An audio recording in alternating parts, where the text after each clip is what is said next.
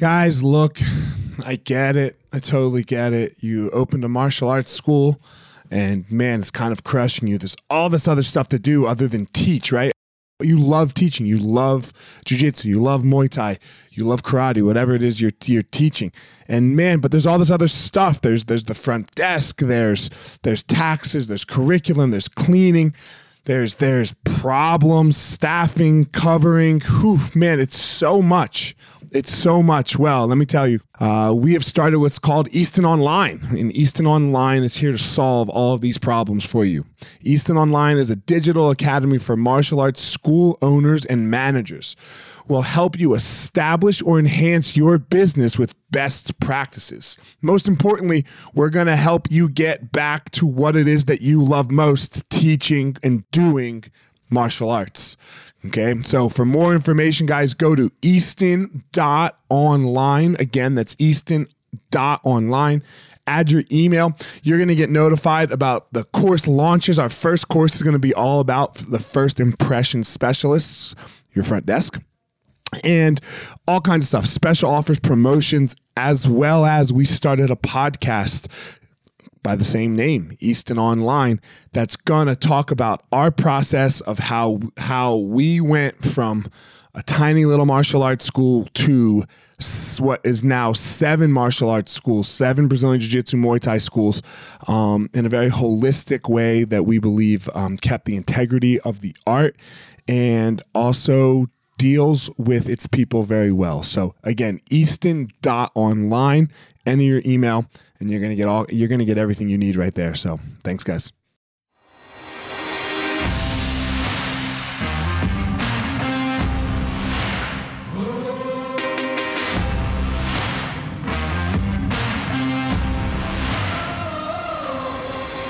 What's up, my ninjas? This is former UFC fighter Elliot Marshall, and this is the Gospel of Fire, where we are going to learn how to go into the fire so that we can find our power and live the best life possible.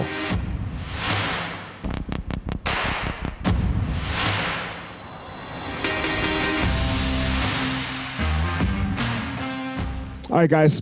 Uh, welcome back to the another episode of the Gospel of Fire, and I am here with Andre Norman. What's up, man? How are you? I'm doing wonderful, brother. Thanks for having me.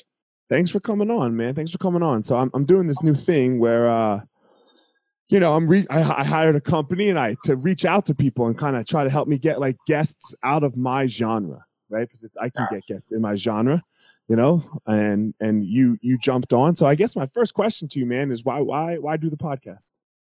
What made you say yes? What made me say yes? Uh, my nephew is a UFC fighter. Who's your nephew? His name is Michael Rodriguez. Okay. UFC won in Korea in December. Okay. So my nep- my one nephew fights, one nephew trains, and I I have like a really good friend named Chung Su Antonio King. Had okay. he, had MMA been around when we were kids, he'd have been a world title holder. And All right. All right. we believe so the UFC, so the UFC. You saw UFC and you're like, all right, let's talk to this motherfucker. Gospel UFC. I don't know the connection, but it works. Man, uh, man, so my gospel is a little different. My gospel is it's it's different than most. My gospel is the gospel of fire.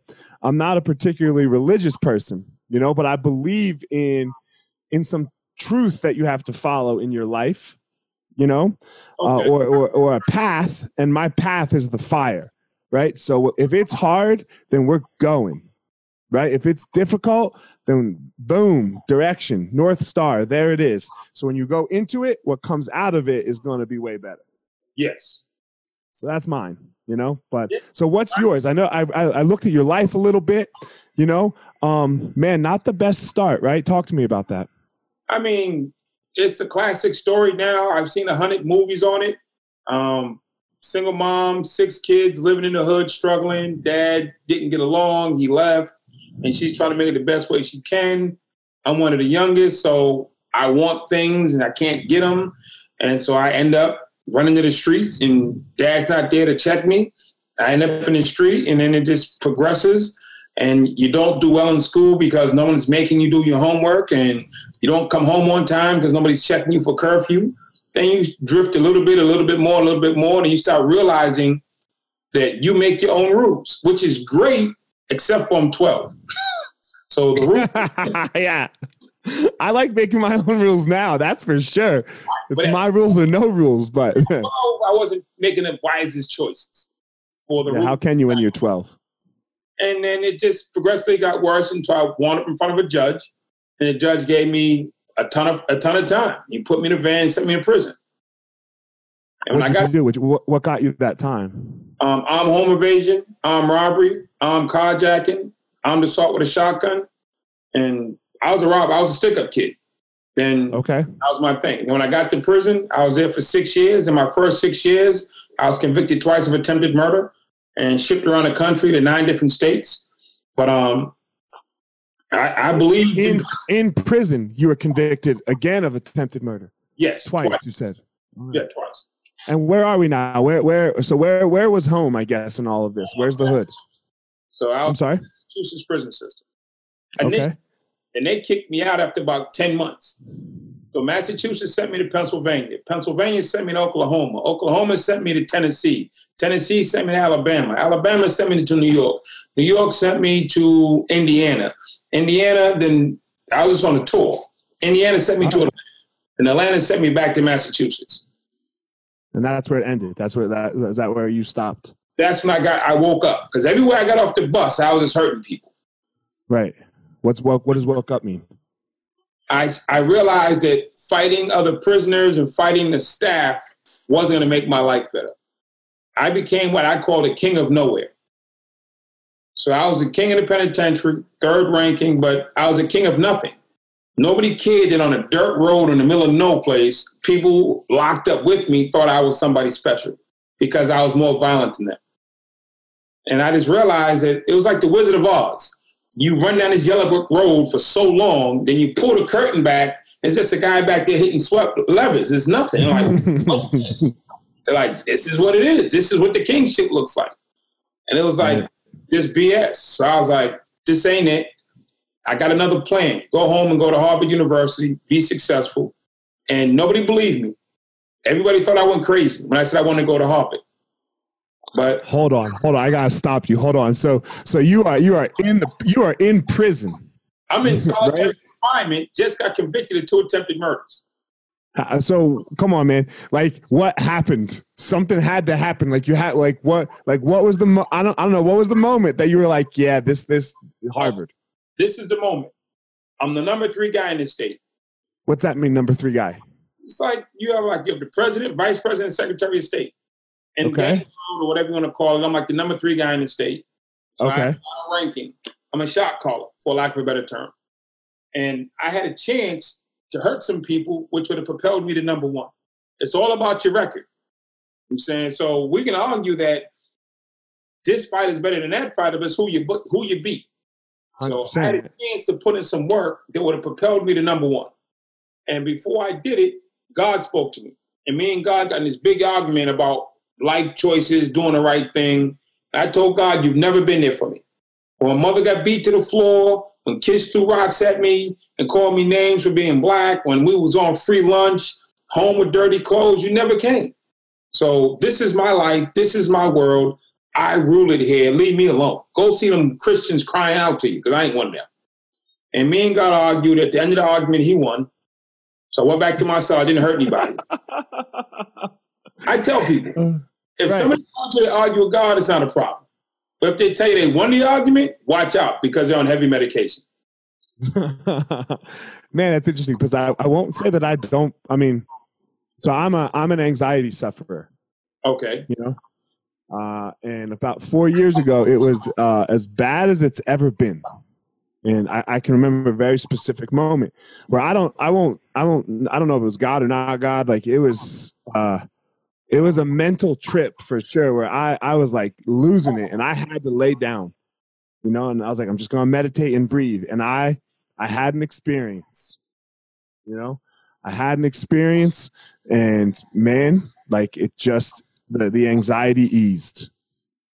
Like after after the experience nobody talked to me. Nobody i didn't i didn't talk to anybody. Like there was no i didn't lose an argument you know? But you lost an argument. I get it. A long time too. what's that? I haven't lost an argument since. so okay, so after, so I understand what you're saying here with with the experience, and and I'm, uh, you know, I'm not one of those people that says he's not religious in the sense that like I don't believe in like that there's something possibly greater than us. Something made know? this. Something made it. Something happened. I don't know what it was. Somebody made this place. I won't say somebody. I don't know what it was, but we that that's a whole different argument. Yeah, but I'm me, I'm not into arguing it. It was created by a higher being than us. It was it was created by something more powerful than us. Yes. Because Um, we were the createe, not the creator. yes, I agree. Um, so what happened? So you, so man, you go back to your cell and you don't hurt these motherfuckers. And I What realized happens? if I can't be crazy, there's no point being in jail. It just it doesn't go together. So I said, well, I'm gonna go home. I want to be free. I want to go home. It was the first time in six years of being locked up. I said I want to be free. I never thought about going home. I thought about banging, being with the team, putting in work. This was my life. And I said, for the first time in six years, I want to be free. And I looked around the white guys, the black guys, the Spanish guys, the Asian guys, the guys in the church, the guys who played basketball, the guys worked in the kitchen, the guys went to church. I looked at every demographic. Not one demographic went home and didn't come back. I said, free's a trick. It doesn't work for anybody. So I don't want to be free. Because if I get free like everybody else I see, I'm coming back here.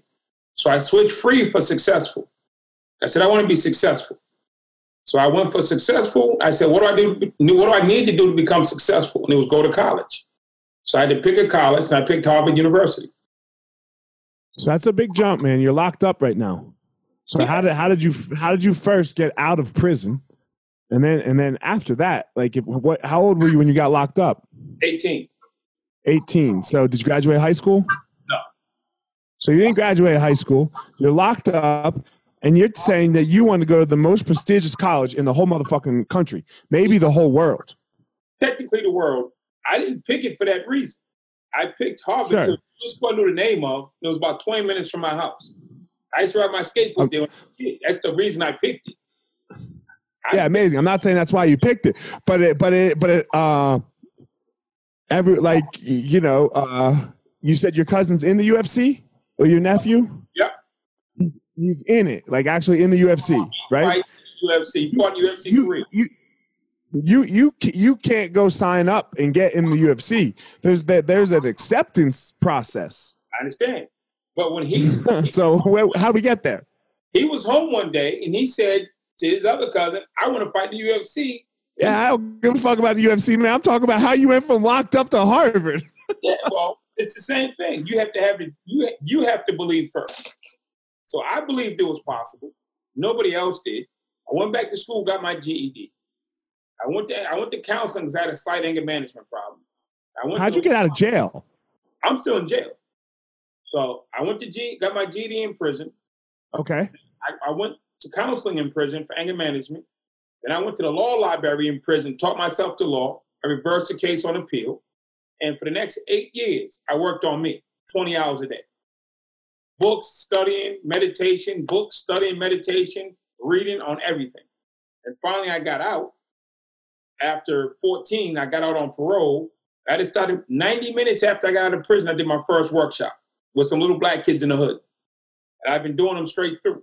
But I just kept working, working, working, and working. I'm networking, networking, meeting people. Sometimes it's who you know, not what you know. So I ended up connecting to a guy who was working at Harvard. So he started taking me over there. And I just got in, got, got into the network. My wife actually graduated from Harvard and she has a PhD from MIT. I'm like, I'm in the network. You just Yeah, you're surround good now. yourself Yeah, yeah. Like I said, so I'm in that space. I'm dating the Harvard world. I'm hanging out with Harvard people and professors, and it is what it is. How did you not get frustrated, man? F- fuck, bro. Six years, man. Six years you're in. You got eight more to go. Like, there's no, there's a light at the end of the tunnel, but you can't see that shit, right? You, you're not even close to seeing it. It's not about seeing the top, seeing the end. It's seeing the step before you. As long as I can see the step before me, I got enough sense to keep going.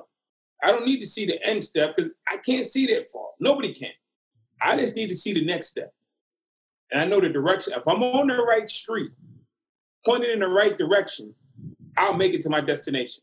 You might get there before me, but I ain't in a race with you. I'm in a race with me. I'm on the right street. I'm going in the right direction. That's all that matters. So during that eight years, what were you reading? What were you learning? What was what what That's like? I think it's James Allen. I read the the, the Prince by Machiavelli, um, Soul on Ice, Eldridge Cleaver, Malcolm X, Alex Haley, um, Makes Me Want to Holler, Nathan McCall. I mean, Epictetus was one of my favorite writers. Um, philosopher, Greek philosopher. I'm just reading anything that ain't nailed down. I'm saying I'm reading it all. Self help books, AA, NA, Big Book, 12 Steps. I don't use drugs, never did use drugs, but I'm studying them. And I just kept studying and reading and studying and reading. And I started taking anger management classes. So I'm leading all the like the um, cognitive thinking, cognitive reasoning. You know I'm saying pro-social behavior. CBT, cognitive behavioral therapy. Yeah, yeah, yeah. So I'm reading it all. I'm studying it all. I'm doing it all. And I'm just applying it all. And I just took the next step. The next step. And I had a few people challenge me along the way. There was time I'm going to programs every I used to be on the yard every day, running the work, handling the work on the yard. Look at this. People don't understand this part. If you're in a prison with 2,000 people, I'm just going to make 50% of them drug addicts. That's 1,000 people. A bag of heroin when I was there was $50. So that's $50,000 on the yard every day that you can make, that collectively is being made. You're throwing cocaine, you're throwing weed, you're throwing pills, you're throwing gambling, you're throwing extortion, you're throwing wine. There's hundreds of thousands of dollars moving in prisons every day. I never fought for color. I fought for money. I'm down with my family, but our family was about getting money. We weren't like you have some gangs that are or teams that are about some other stuff. Our dudes are all affiliated based on getting money. So when I say gang, I'm not like in the traditional sense of some of the other cities. In Boston, we come from a neighborhood. And those neighborhood guys just rock together. So it was about getting money. And I walked away from that. Dudes started getting real money, buy house money, buy Cadillac money, buy Benz money. I walked away from that. And I started picking up books, studying, going to self-help groups. And they thought I went crazy. Here we are, 28 years later. I'm flying around the world. I get paid wonderful for my time. The, the corrections department's hiring me to run them now. And my, my homies that didn't want to read are still there. The homies that didn't want to better themselves are still struggling. So that fake money ain't real money. They ain't gonna take you no place. So I let go of the fake money because you can't take your old life into your new life. So I let it all go. I focus and I believe. I said, I'm gonna bet on me. I'm just gonna bet on me. This is gonna pay off. And if it don't pay off, it's not gonna be because I didn't give it 100%. I'm not hedging my bet. I'm not gonna give it 80% and hide 20 on the side. I want 100% all in. And when I came home, I was a, the greatest, best outreach worker they ever seen in their life. And it just progressed up to the point where um, I ended up getting a fellowship at Harvard Law School because of the work. Yeah. Fuck man. It's cool. It's like uh, you know, it's one thing to watch a movie about it, man. You know, and I'm sure, like you've told the story a million times, so it's probably not. It's probably not crazy to you. It's just your life, It's crazy. right? If it wasn't my life, I'd be like, what? He would where? Right Yeah. now, I run a maximum security prison wing in South Carolina. What do you mean you run it? I speak clear English. Okay. Yo, jefa, para uno, uno tú en una prison aquí en South Carolina. Tú sabes, mi hermano. Yeah. Expl- explain though. Explain. What do you mean by what you run the prison? Like you? What do you do? Because it's the haters right. You got to be semantics. Yeah, I, I get it. last year, there was a riot in South Carolina prison system. Seven Okay. men killed, 17 wounded. They locked the entire prison system down. Everybody locked down. Nobody got arrested. Whoever did this is in their cell. Seven dead, 17 wounded. Everybody locked in their cells. Five months later, one of the people from South Carolina saw me at a conference. And I'm talking about I used to be a third ranking gang member, and I'm telling my story. She said, That was a great story, but is it true? And I'm like, Yeah, it's true. I was a boss, I was a shot caller. She said, Will you come to South Carolina and call some shots? Because we got problems. I was like, we went back and we went, worked it out. I got on a plane two weeks later, took two of the homies. We went to South Carolina, and for the first time in five months, these men were let out of their cells. The fact that they just try to kill each other, chop each other up, watch their brothers die on the floor. We went and spoke to 8,000 people in six days. Not one fight, not one argument. Everybody full respect. Then we, they said, well, we want you to come back and design a program for these guys. So we designed the program. The prison where the people died, they gave us a unit that holds 80 and 92 beds in the unit. Then they went around the state and got the top gang leaders, top influencers, top bosses, and brought them all to me. Put them in one unit, and they said, Dre, it's yours. And I've been open about nine months now. We haven't had one fight. How are you talking to these guys, man? Because it's got to be in the way you make them talk. Talk to them like right? men. Talk to them like men. You talk to them like the people. That, see, the thing is, they're bosses. If you like it or not, if you agree or not, they control and dictate men's lives. So you can say, well, just because I'm an authority, you should listen to me. And just because I'm such and such, you should do it the way I said do it. That's nice, but it's never worked like that. If that's the case, the chief of police should just go on the radio and say all criminals retire. And they would. Criminals don't pay the police no attention until they get a gun put in their face. Criminals do criminal stuff and don't worry about the police. Prisoners do prisoner stuff and don't worry about the guards. So when I came in, I speak their language. And I was able to give them a better plan other than stabbing themselves. And I spoke to them like men. I'm le- after this podcast, I'm going to the prison. I got access from 6 a.m.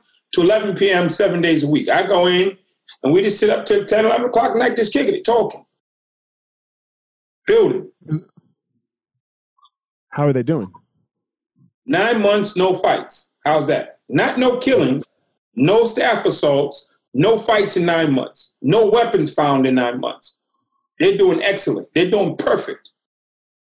What's the difference? Other, I mean, like, so what's what's what's your message? The There's message, got to be a message that. What's your message you're giving these guys? the message is not that you can be Andre because you can't, but you can be the best version of you. And right now, the narrative says you can't control yourself. The narrative says that you can't comport yourself. The narrative says you need a foot on your neck to get through the day. And we're going to show the system and society and the world that that's not true. We're going to show them that Andre wasn't an anomaly. Andre is just one of many. And when given the proper circumstances and environment, you know how to comport yourself and how to be. Like on our unit, lock in times at 11 o'clock. 11 o'clock, everybody's supposed to lock in. My unit, at 10.50, they walk in their cells. They don't need a CO to come on the unit and yell, get in your cell. At 10.50, they all walk in on their own. When the guard comes on the unit at 11 o'clock, he doesn't see anything. Everybody's in their cell. Any other unit, at 11 o'clock is locked down. Somebody's running to the shower. Somebody's running to the microwave. I got to make one more call. I got to run and get this bag of rice. None of that shit on my unit because it's their unit. I gave them control and the respect that they deserve as grown men, and they maintain it. Well, You, treat them like adults. You treat them like human beings, not like not like a prisoner. adult, adult male humans, yes, who are bosses. I recognize who they are. I used to be them. I recognize. You can't talk to a boss like he's a little kid just because you're an authority. And that's what usually happens. Well, since I'm the authority, I can talk to you and treat you any way you want. Yo, a- look, man, I, I get it, bro. I have a, I have this fucking Peloton downstairs, like you know that Peloton bike. yeah. I can't I can't handle some dude yelling at me like I'm a pussy. Like I can't do it. I, I'm like, no, man, you're not. You're not gonna like. It's through a screen. I get the like. It's the same concept, right? I can't handle it. You're not gonna talk to me like if you were standing right here, you would fuck me up, right? Like, so you can't do that. Yeah, no. So, yo, bro, let's do this. See, but this is the thing. This is the thing I understand. There's three types of people. There's the person who runs it. That's 10%. There's the rank and file soldier. That's 60%. Then there's the victims, the guys who get beat up just for waking up. That's 30%. So if you give me one of each person in front of me, if you're a victim, you've been beat up, raped, and stomped and robbed every day in prison. I need to get you some counseling.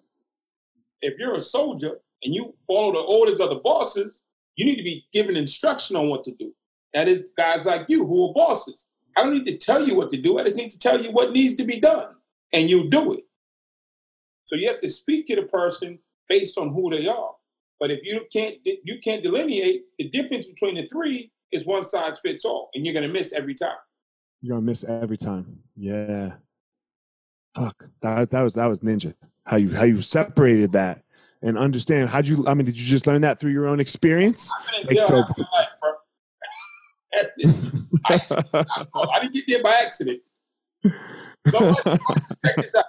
This is something I'm gonna give you. I've never done this on any other interview. Watch this. You see that? I'm a professional breather. There's a lot of rookies out here that ain't breathing no more. I do this for a living.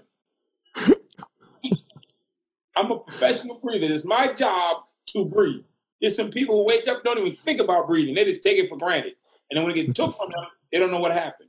They don't know what happened. I pay attention to every breath I get allowed to breathe.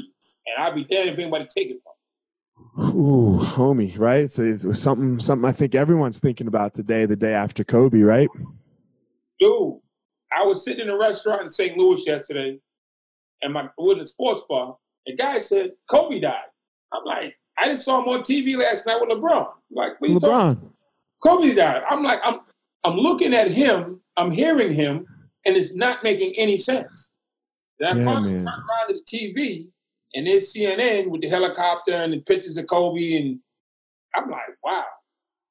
I was skiing with my family yesterday, you know, and we were on the mountain, and I had my cell phone in my pocket, and and it's just going crazy, right? Normally, either you know, normally somebody sent a, like a funny meme to a group text, you know, or like I, I don't know, like I I turned off all like the CNN and all the news apps. I can't get those notifications because Trump either did something great or did something terrible every fucking minute, right? So like I can't you I can't have them on my phone, right? So um I don't like so I was like, man, somebody must have said something funny. I'm gonna look at it when I get down the mountain. And I look at it and I read it and I'm like, no. Like we just saw him yesterday. Him and LeBron. Right? Like this right? This is a goat. This is a this is this is a guy who's not supposed to be beatable. Yeah. He, he ain't breathing no more. Nobody wins, nobody wins with God. No, he's not breathing, right? No. And It's like I see it, you see it, and you say, Wow, how do I outlive Kobe Bryant? He's, in, he's, yeah. invincible. How do me and you outlive Kobe Bryant? How does that work? Then I think, yeah, I, how does that work? Like as if, because what happens is we mentally make people bigger and better than us. He's a great man, great tragedy, but we we in our mind say, well, he, since he can play basketball better than anybody else, he's invincible on and off the court. He's, he's yeah, invincible. He's a great guy. I'm sure he was, but we do that. We say like mm-hmm. LeBron's never supposed to die. Michael Jordan's never supposed to die. Muhammad Ali was never supposed to die because we put them in a pedestal in our mind that says they're never supposed to go. But every generation, Michael Jackson and Prince went. If Michael and Jackson and Prince can go, all bets are off. I can't agree with you on the Michael Jackson thing. I ain't Michael Jackson fan anymore. But Michael Jordan, I'll agree with you on. true, true. I didn't yeah, say. Were, I mean, I didn't say give him a pass on everything. Yeah. I said if Mike can go, and Prince can go, and Ali can go, and Nelson can go, and Mother Teresa can go. I'm saying, and my my grandmother could go, and your great grandmother went. It, it's just, it's just, we don't like the fact that people go. We're not supposed to. I don't like the fact that he's gone, but it's like probably like hundred thousand people died in the world yesterday, whatever the number. That's every day. We just yeah. give special people special acknowledgement when they pass, and he worked. He earned, it. including it. ourselves. Yeah, yeah, he earned it. He earned it. All day, he earned it. He earned the right to be celebrated by the world, and not God, just. I cry. I had a little tear yesterday. I, wasn't ready for it. Like my eyes got a little watery thinking about it. You know. I thought about it. If I, I mean, I, I looked and I thought about it. Had I like drilled down and let my myself go in the moment, I'd probably been there with you. Yeah, I wasn't ready for it because I was I was like watching it, and I I don't know what got me. I can't even remember what got me, but something got me, and I was like, damn man, you know. But I have this coin too in my car. I'm a like you know, uh, uh I pr- I try to practice stoicism, you know, uh, which isn't which is a more of a you know what stoicism is. No. Of course you do. Okay, so all right. So stoicism, it's like a, it's like a, it's like a belief system. You're not believing in anything in particular, other than like a very specific, like some very specific principles. Like one of them is this this principle of memento mori, which means you could leave life at any minute, at any moment. So live life like you could leave it at any moment. You know, because uh, you don't get more. It's the only. I, I, like to say it's the only asset we can't buy more of. I mean, money. Fuck money. You can figure that shit out. If you want to figure that shit out, it's not. It's easy. It's not hard. What's that? Robbing a bank is not hard. Right. Sell drugs. Sell drugs. You will have so much fucking money, you know, and fuck. But time, you can't get more. Can't get it. Biggest asset. So you know, Kobe's ran out. What um what's that? Go ahead, man. I'm with you. Yeah. So what um so on your day to day, what is so like now? I mean, I was just looking uh I was just like looking at your Instagram a little bit and like you're, you're obviously a speaker, but so what is what does your day look like? What what what is the day of Andre Norman? How's it work? Thursday morning I woke up in my house. I went to the prison. I was in prison from like eight o'clock to four o'clock. I got out of prison. I came out. I had some meetings from like six o'clock to eight o'clock. I got up Friday morning and I flew to St. Louis. I got off the plane about twelve.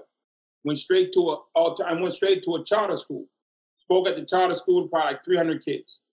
I left the charter school, drove across town, went to meet with two judges from the county, um, Clayton County, talking about crime reform. I left there, went to what I got that. I was done. Saturday morning, what's Friday night? Saturday morning, I get up. I go to all black. Um, it's a black men's march at Harris Stowe University. Uh, my buddy Michael Brown Sr. invited me. We get in the car. Me and Mike go to that. When that was over, another friend of mine, his brother owns a restaurant. So me, Mike, and his wife go to the restaurant. Went from all black rally to like an all white restaurant and hmm. ladies singing like all white music, like some Broadway stuff. We leave that. then Sunday, wake up, I had breakfast with a friend. Then I had lunch with a friend. That's what we got the Kobe news. Then we went to a all 99% white Catholic school, father son dinner. And I was a keynote speaker for that. And I did that probably from like four o'clock. I talked to all the boys first, then the boys and their dads. And that was over. Got up this morning at 5:30 flew to Atlanta, rented a car, go to South Carolina. I've been at prison headquarters for like two hours talking. I'm on this podcast with you. I'm going to prison tonight, probably from like 6.30 to 11. I'll be back in prison tomorrow. That's that's what you do. That's three days. Yeah, that's what you do. That's so it's like so do you have your own company? I mean, do you have people working with you like that set all this up? Like how's that all work? It's my company. It's a nonprofit. It's my company and I work with people. Like at the prison, um, I have a lot of retired military guys, Marines, and Army that work with us. We have some ex-offenders, my homies that work with us. We got some guys who've never been to jail that work with us, some activists. I'm like, for three months, we brought Michael Brown from Ferguson down here, and he taught forgiveness for three months to the guys. His He's dad. yeah, his dad, the father. Okay. My forgiveness coach. And what's that look like? What like so? How do you like? Okay, I mean that's fuck, man. Tough situation, right? Awful situation. How does what? How does he feel? He he's hurt. At the end of the day, everything aside, his son is still dead. Yeah. His son is still gone. I don't care how many marches, how many records, how many fist pumps you throw in the air. His son is still gone. So he blames himself. He blames the cop. He blames society. I mean, it's just a there's a lot of blame to go around. And he, he starts with himself first. So forgiveness for him was necessary to keep breathing because he was crushing himself. So he comes into the prison and he's like, listen, I'm working on forgiveness. And that's what he teaches. So that's why I bring him in.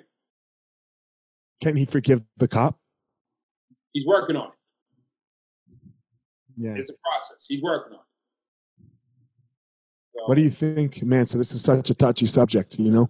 Um, I got rules for my kids, and uh, rule number one I talk about every podcast is they have to do jujitsu, and I think it will solve for me. I, I think it can solve every problem or a lot of problems, and I could I think it can even solve this uh, cops killing black kids problem. You know, I think you can help. Uh, I'm, I'm I don't know if you know about me. So I'm I'm African. I'm a half. I'm a African American Jew. So my dad's black. My mom's white. Um, and my my grandparents survived the Holocaust. So I grew up. You know, uh, I grew up with a lot of this uh, this story, this narrative of yo, you better be fucking careful. Right. right. Right. So you better be real careful. You know, you better be real, real careful. You know, uh, so uh, I I I do think that part of the problem, especially with the police, is police don't have to be trained. Like they just have this gun. You know, and now like and and I understand that there's no reason to be scared of some of, of a black kid versus a white kid, but I mean that that's a bigger issue. But part of the issue is that they are right. But let's just let's just start at, at that issue that they are afraid. Like this this this Darren was his name, right? I believe. Yeah. Darren. Darren was fucking scared. You know, not and I won't say rightfully so. Scared. If he knew how to handle his fear, if he knew how to really defend himself without touching a gun, without without going there, okay? Because I know for everyone that I deal with, with that when when we learn real skills of fighting, like when you learn how to fight, you so don't want to do it. Not even fucking close. Because you know the consequences. That could be you too. So you get so confident that that that of knowing that how bad it can go that you start to use your mouth way more to talk situations down because you know that you know how to do this and you don't want it to go there. And I believe that the police just aren't trained. Like the, the, their only reaction can be the gun or, or the taser, and boom. They let it by. What's that? Yeah, that's how they do. But I mean, Yeah. we can. The system is designed like the system is designed. We got laws from the 30s. We got laws from the 50s. We have policing from the Wild Wild West days. I mean, the car, I mean, it gets handed down. But why? But they don't know how. They don't know how to fight. They, they, they don't know how to fight. That's a lot of people. I know. I know it's a lot of people, right? But a lot of people aren't in charge of protecting us. Well, Right? Well, the protecting us is a relative term. No, but I, but like so they're they're they're, they're police are hired. It is their job to keep law and order. Right? Okay. So when I mean a simple a simple traffic stop, anything, right? You know, like they see someone that they don't like, they they get nervous, and now all of a sudden, and I won't say rightfully so, and now they don't necessarily like how somebody speaks to them, and then they escalate, and now it's going to escalate to a part where even if it got into be a fight, okay, it could be a fight, but they, it doesn't go there. It goes to the gun. It goes to killing somebody. You know, and what I know is that my everyone that walks into my schools their their confidence goes up their self-esteem goes up their ability to use their words go up. Uh, the kids man we don't have bullies. We might have them come in. They might come in a bully but they don't uh, gi- give me six months give me a year. They don't stay a bully. You know it, we don't we have none. We we we don't receive one phone call of any of our children. And we have a thousand kids between all of our schools. There isn't one phone call from a kid that's been in my in, in our schools that or that is still a bully. Doesn't happen. He's disciplined. You don't need to bully anybody. No. You know? So I think the same thing with the with the police problem is, hey, let's learn let's teach you actually how to defend yourself. And then watch how much better it can all get. And now we can start to work on the fear part. Right now, we can start to be like, okay, why are you afraid when you pulled over Philando Castillo? Why the fuck are you afraid? You asked the man to get his license. Yeah. He went to get his license. How, how, did- how he did what you said? Some people, What were you scared of?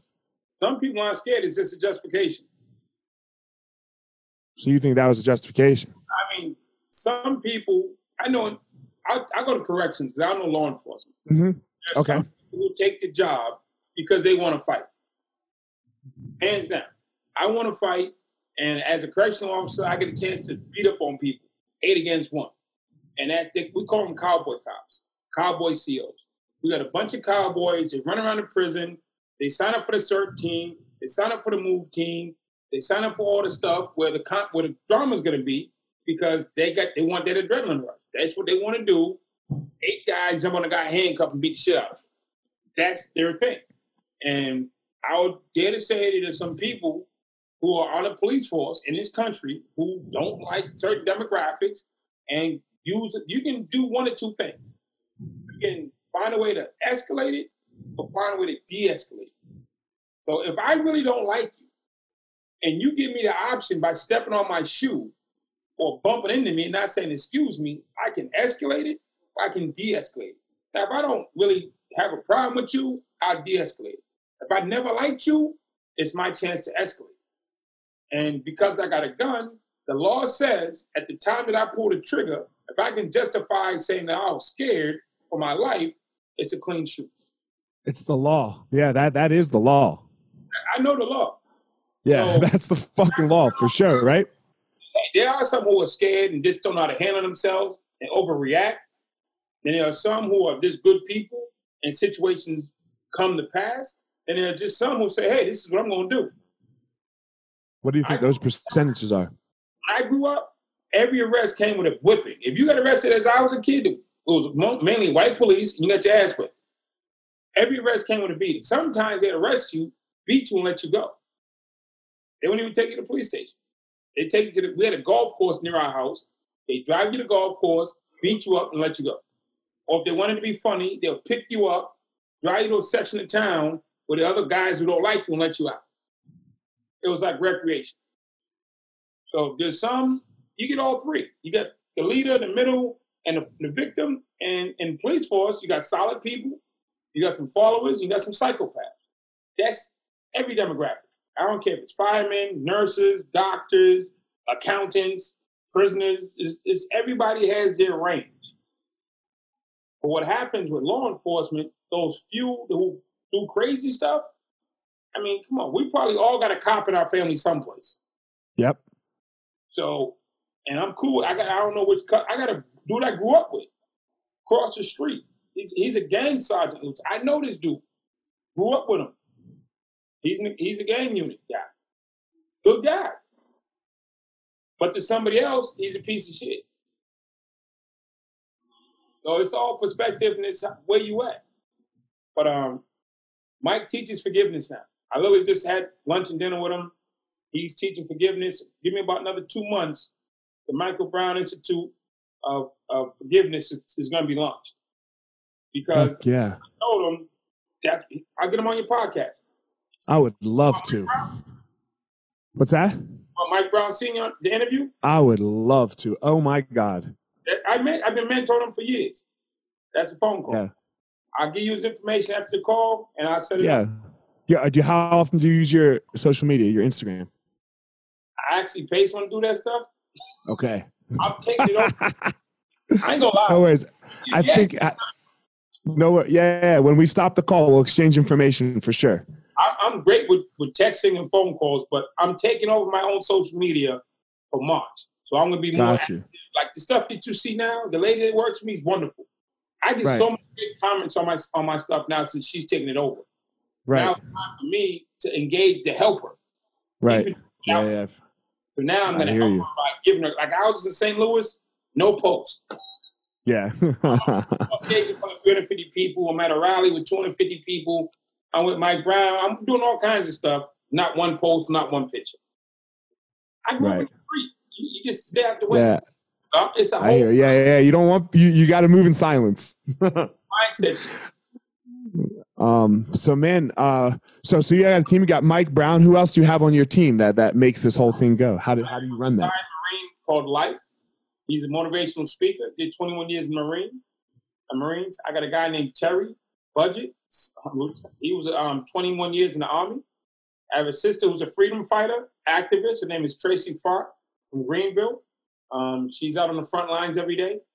I got a brother named Andre Barnes. Um, he's a pastor and, a, and an army guy. I got a guy that drives from Atlanta once a week. I'm saying he's actually sitting right there. That guy right there, he drives every week from Atlanta to the prison to teach the guys emotional wellness. That's Aaron.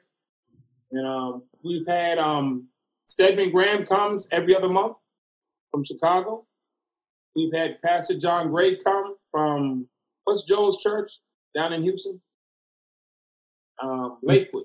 Lakewood. So let, let, me talk to you about this emotional control because it's so important. And I read something, even though you didn't post it on your on your Instagram, you know she did. But uh, hold on, let me read it. It was something. It was about your feelings, you know, or your emotions. It was so good because I so agree with you. Hold on, one second. She uses, she uses my stuff. I just right. she fix it. I got a whole five hard drives. She goes through and she picks my stuff. So it's not like she's writing it for me. I learned I learned that feelings don't work. Yeah. Not negotiations. What when do they? Yeah, go ahead. When are you not negotiations? When you're negotiating for your life, when you're when you I mean feelings don't work, you want to like a, like a real hardcore outcome. I'm saying so feelings don't work we, it's business. It's, it's, a, uh, it's a business, not business in the sense of money. When you're in the street, not about emotions. Emotions get you killed. Penitentiary, not about emotions. Emotions get you killed. So feelings don't work. Now I'm talking about me and my son and wanting him to do better. Yeah, I can be emotional. My mom's sick. Yeah, I can be emotional. Kobe passed. I can think about being emotional. But when I go into this prison, I ain't crying for nothing to nobody.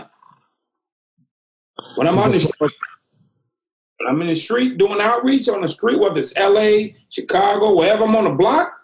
I ain't out there crying. You you could be standing next to me on the street, somebody blow your head off. I'm just gonna keep moving because if you show fear, and passivity invites aggression.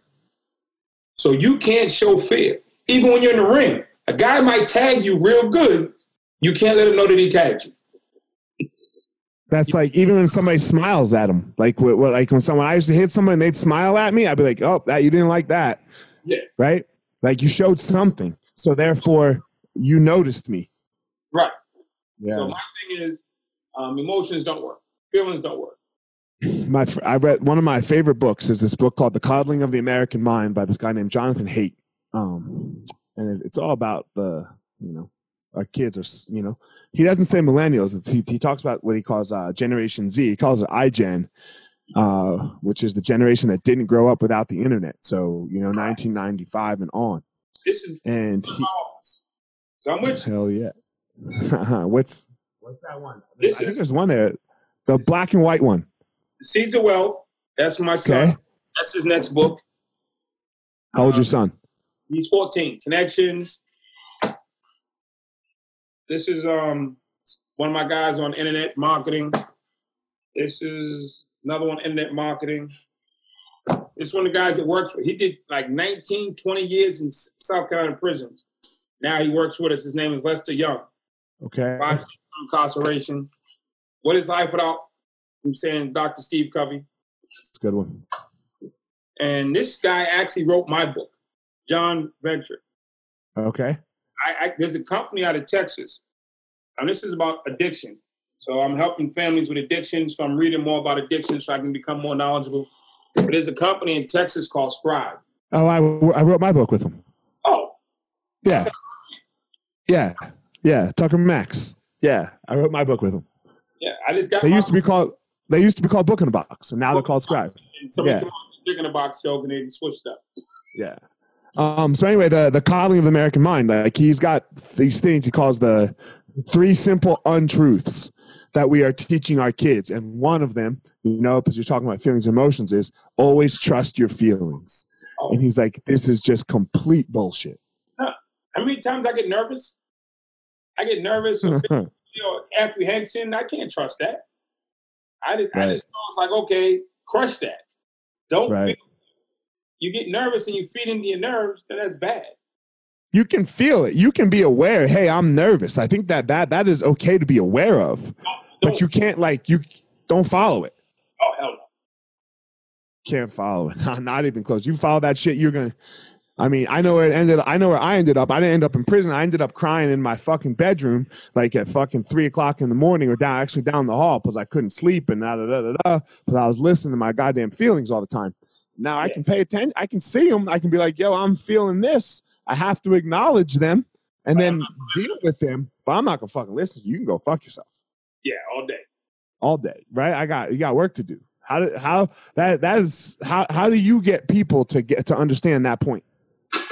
I, I example it. If you stand around me all day and you're just hanging out with me, the way I speak, I'm intentional, I'm direct. A lot of people like to talk in circles. I'm like, I didn't ask you that. Answer the question I asked you. And the other shit, save it. Tell that to somebody else. This is the question I asked you. Give me the answer to the question I asked you. Or you trying to tell me what to say? No, I'm telling you, give me the damn answer. I don't want the story. Say the story for your girlfriend. I'm saying say the emotion for somebody else. Did you do X? Oh, well, well, well, well, I was, no, I didn't ask none of that. Give me the answer. So if you're talking to me on a routine basis, you're going to become intentional. You're going to become direct. You, it's just, you're going to take on some of my personality. And then the way I see the world, like the fact that I get up and go to a New Year's Eve, people at the club popping bottles, flying around the world. I'm in prison with the guys. I'm like, I'm here, especially on the days, holidays, Memorial Days, because to show you people, we all love you, but not on Christmas. We all love you, we all love you, but not on Thanksgiving. I go in intentionally on those days to let you know, hey, I'm here for you. I'm saying, How's your family deal with that? I ain't got my family. How's your family deal with that? Like, like your wife's got has to want you to be home on Christmas. I'm divorced, and my ex-wife and son lives in London. Okay. So it makes it easy for that standpoint as far as being able right. to go in. And I first came home from prison, my first five years, every Christmas, Thanksgiving, and New Year's, I was in prison somewhere. I would, eat, that's just... I would eat at my family's house. I go to the prison after, after or before. I had to show because it's so hard to tell somebody you care about them, but on a holiday you disappear like everybody else. I care about you and I disappear. Like I, have been gone for four days. I can lay down and it's going in the morning. It's only it's what the hell? What's three hours gonna do? Well, I ain't been in since I left Thursday. So Friday, Saturday, Sunday, all day Monday, I ain't been in there. I can say I'm, I'm going tomorrow morning at eight o'clock. So why am I gonna drive an hour to the prison, hang out for two hours and drive an hour home? I can just go to sleep now and just get up early and go. They matter. And when I show up for those two hours, it's saying to them that they matter. They know how far I live. They don't know where I live, but they know how far I live but, uh, and I want them to know that they matter. That when I come off a long road, road trip, I would go see my family. Well, they're my family now. That's how I come at them. And I have expectations of greatness. And I can't have expectations if I don't have the same belief in you. I can't be part time with you or on a clock, but then want you to have full time belief. So I have expectations. When I say, yo, I'm disappointed, that means something to them because Andre gives from his heart. Uh, yeah, fuck. Uh, look, this that that's the problem that will solve the world right there. Yeah, I mean, I don't ask anybody for anything that's not warranted or justified. So if I get about my bed and drive an hour to the prison, you see me walking in at six thirty in the morning. That means I left at five thirty. It means I got up at five. So I'm not trying to have your ass wait for class. I said, I just took me an hour and a half to get here, and you you got to walk 30 steps. Ain't no late for class. That's some bullshit. yeah, man, that's uh you're you're showing connection with people. Right? True connection, right? Like in what's that? The stuff that we didn't get as a kid, accountability. Right. We didn't get I didn't get any accountability as a kid. I made my own rules. So did these men. Most likely they made their own rules and they made bad choices. So now they're grown up making bad choices. So I'm coming to say, listen, I'm not going to be dad, but I can be the accountability guy. I can give you the, the guide, I can give you the plan, but you need accountability and discipline in your life. I don't force it. I just give you the option. Do you like the way you're living? Right now, you're in a fucking prison cell doing the worst. Do you like this shit? Well, I'm trying to show you how to get out of here. So you can go your way, which is further down this hole, or come my way, which is further to the light. It's your choice. And then like, I really don't want to be here. So, and this guy's been here and got out. So how, who you going? Who you going? I know better than Andre. No, you don't. If your ass ain't got out and stayed out. So yeah, man. Fuck. Amazing, amazing story, bro. Amazing story. I appreciate you coming on. Uh, appreciate you having me. Yeah, thank, thank you. Yeah, thank, thank you. You know, all I can say is thank you. Um, and uh, man, this podcast. On your podcast when you want them. Hold on, let me call. When you want them on? I don't know. Let's. I'm gonna. What's your? What's your? uh I'll have my guy. Let me, let me just end real fast, and then we'll talk for a second. I don't have guys. Yeah. Hold, no, all right. No, hold on. So, all right, guys. Uh, uh, Andre and I got to get off to, to hook up some things real fast. So I appreciate everyone listening. Go give Andre a follow on social media. What's your social media? At Andre Norman, yes? I, I, I, at Andre Norman on Instagram. And, uh, and, and it's a website. AndreNorman.com is the website. So hell yeah, everybody. Uh, I appreciate everybody and go out there and find your power. All right, everyone, thanks for listening to this episode of The Gospel of Fire. If you enjoyed the episode, I'd love a review on iTunes or wherever you are listening to this podcast. Don't forget to follow me on social media at Fire Marshal 205. If you are a BJJ enthusiast, check out my YouTube channel. I put all kinds of instructional DVD uh, videos out on there, so go check it out. My book is still out on Amazon by the same name as the podcast, The Gospel of Fire. So if you are interested, go check out that. And most importantly, guys, go out there every day, find your power. Thanks a lot.